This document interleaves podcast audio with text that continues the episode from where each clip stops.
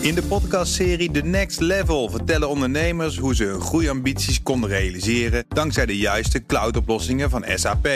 Wat waren de uitdagingen, de oplossingen en hoe ging de uiteindelijke implementatie? Benieuwd naar hun verhalen en hoe zij met behulp van SAP ook hun toekomstige ambities kunnen behalen? Luister de podcast The Next Level via de BNR-app of je favoriete podcast-app.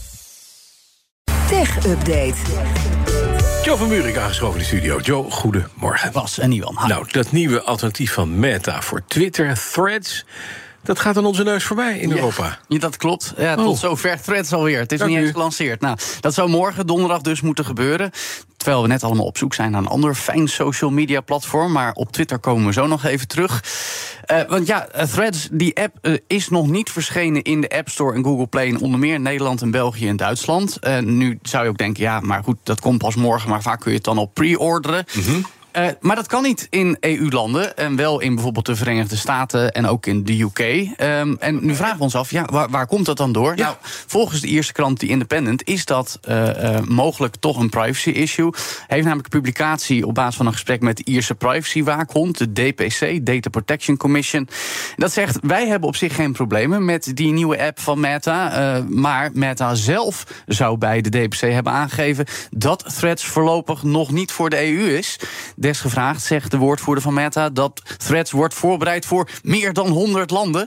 Maar niet, Niet dus in Europa In dus. Europa. Ja, Nee. nou ja, de vraag is en blijft een beetje waarom. Eh, grote kans dat het met privacy-regelgeving te maken heeft. Dat is namelijk ook de reden eh, dat Google's AI-chatbot BART hier nog steeds niet is gelanceerd. Mhm. Ook daar was het gaat niet om het is in overtreding met, maar het is meer de angst van het bedrijf erachter Dat ze Europese waakhonden over zich heen krijgen. dat ze dingen aan het doen zijn die dan niet de bedoeling zijn. Want daar is natuurlijk wel een tijdje geleden ook nog die zaak met ChatGPT in Italië, wat een paar weken verboden was geweest. Nou, daar zijn toen oplossingen voor gevonden. Maar sindsdien staan alle techbedrijven, vooral uit de VS, toch wel op scherp. Ehm, en met Meta hebben we nog meer precedenten. Gisteren nog kwam er uitspraak van het Europese Hof dat Meta met het verzamelen van data buiten eigen apps om toch echt het boekje te buiten is gegaan. Vertelde collega Stijn ook gisteravond nog in de tech-update. En daarmee echt wel een overtreding is geweest van de Europese privacywetgeving AVG. En kijken we dan even, en daar wordt ook een beetje lacherig over gedaan op sommige andere social media, welke data threads als app allemaal zou willen bijhouden, is het ook wel een beetje slikken. Want er staat een heel lijstje van alles van je gezondheid, je fitheid, je browsgeschiedenis, je financiële gegevens. Eh, Hoef je natuurlijk geen toestemming voor te je geven, hoeft toch? geen toestemming te geven, dat klopt. Maar het wil het dus eigenlijk wel. Dus Ja, dus maar naar Truth Social dan. ja, heel goed. We gaan door naar Twitter, want de CEO... de- Twitter bestaat... dan- Ja, oh ja, dus, oh, je hebt ook een nieuwe CEO. Mhm. Krijgt hopelijk heel veel geld betaald... want die heeft nu uitgehaald naar critici op de controversiële beperkingen. Ja, Lina Jaccarino heeft zich uitgesproken over het feit dat je nog maar duizend tweets per dag kunt lezen met een regulier account. Wil je meer, dus af van die beperkingen, dan moet je gewoon 9 euro per maand aftikken voor een abonnementje Twitter Blue. Op zijn zacht gezegd is niet iedereen daar even blij mee. We hebben het er al de hele week over. Maar, zo zegt Jaccarino nu op Twitter uiteraard, als je een missie hebt zoals die van Twitter, moet je nou eenmaal grote keuzes maken om een platform te versterken. Wat is die missie dan?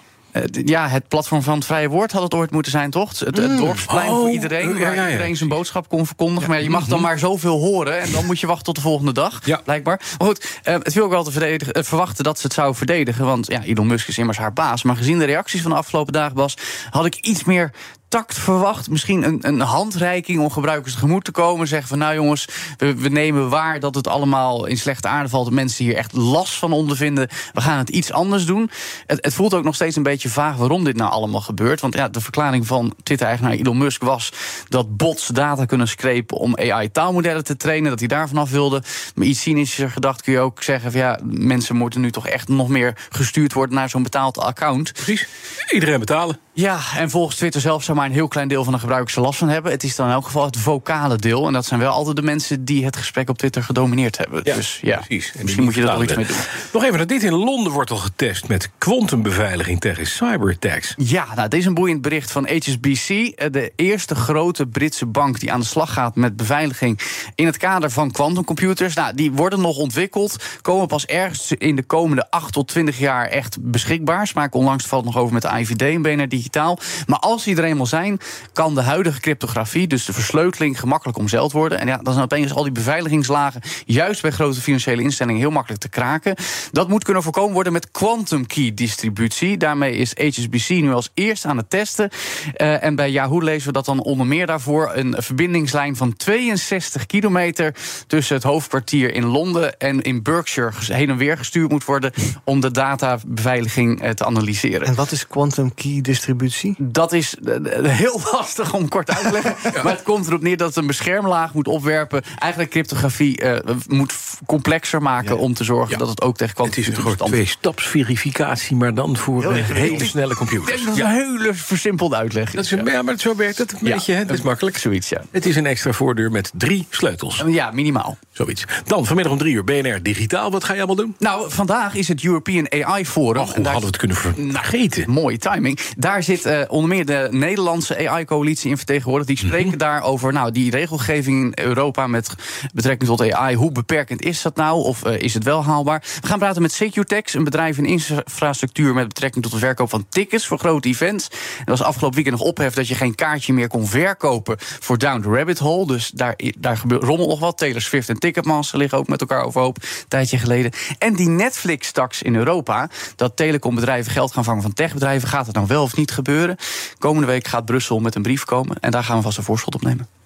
Dankjewel, Joe van Buurik. De BNR Tech Update wordt mede mogelijk gemaakt door Lenklen. Lenklen. Betrokken expertise, gedreven resultaat.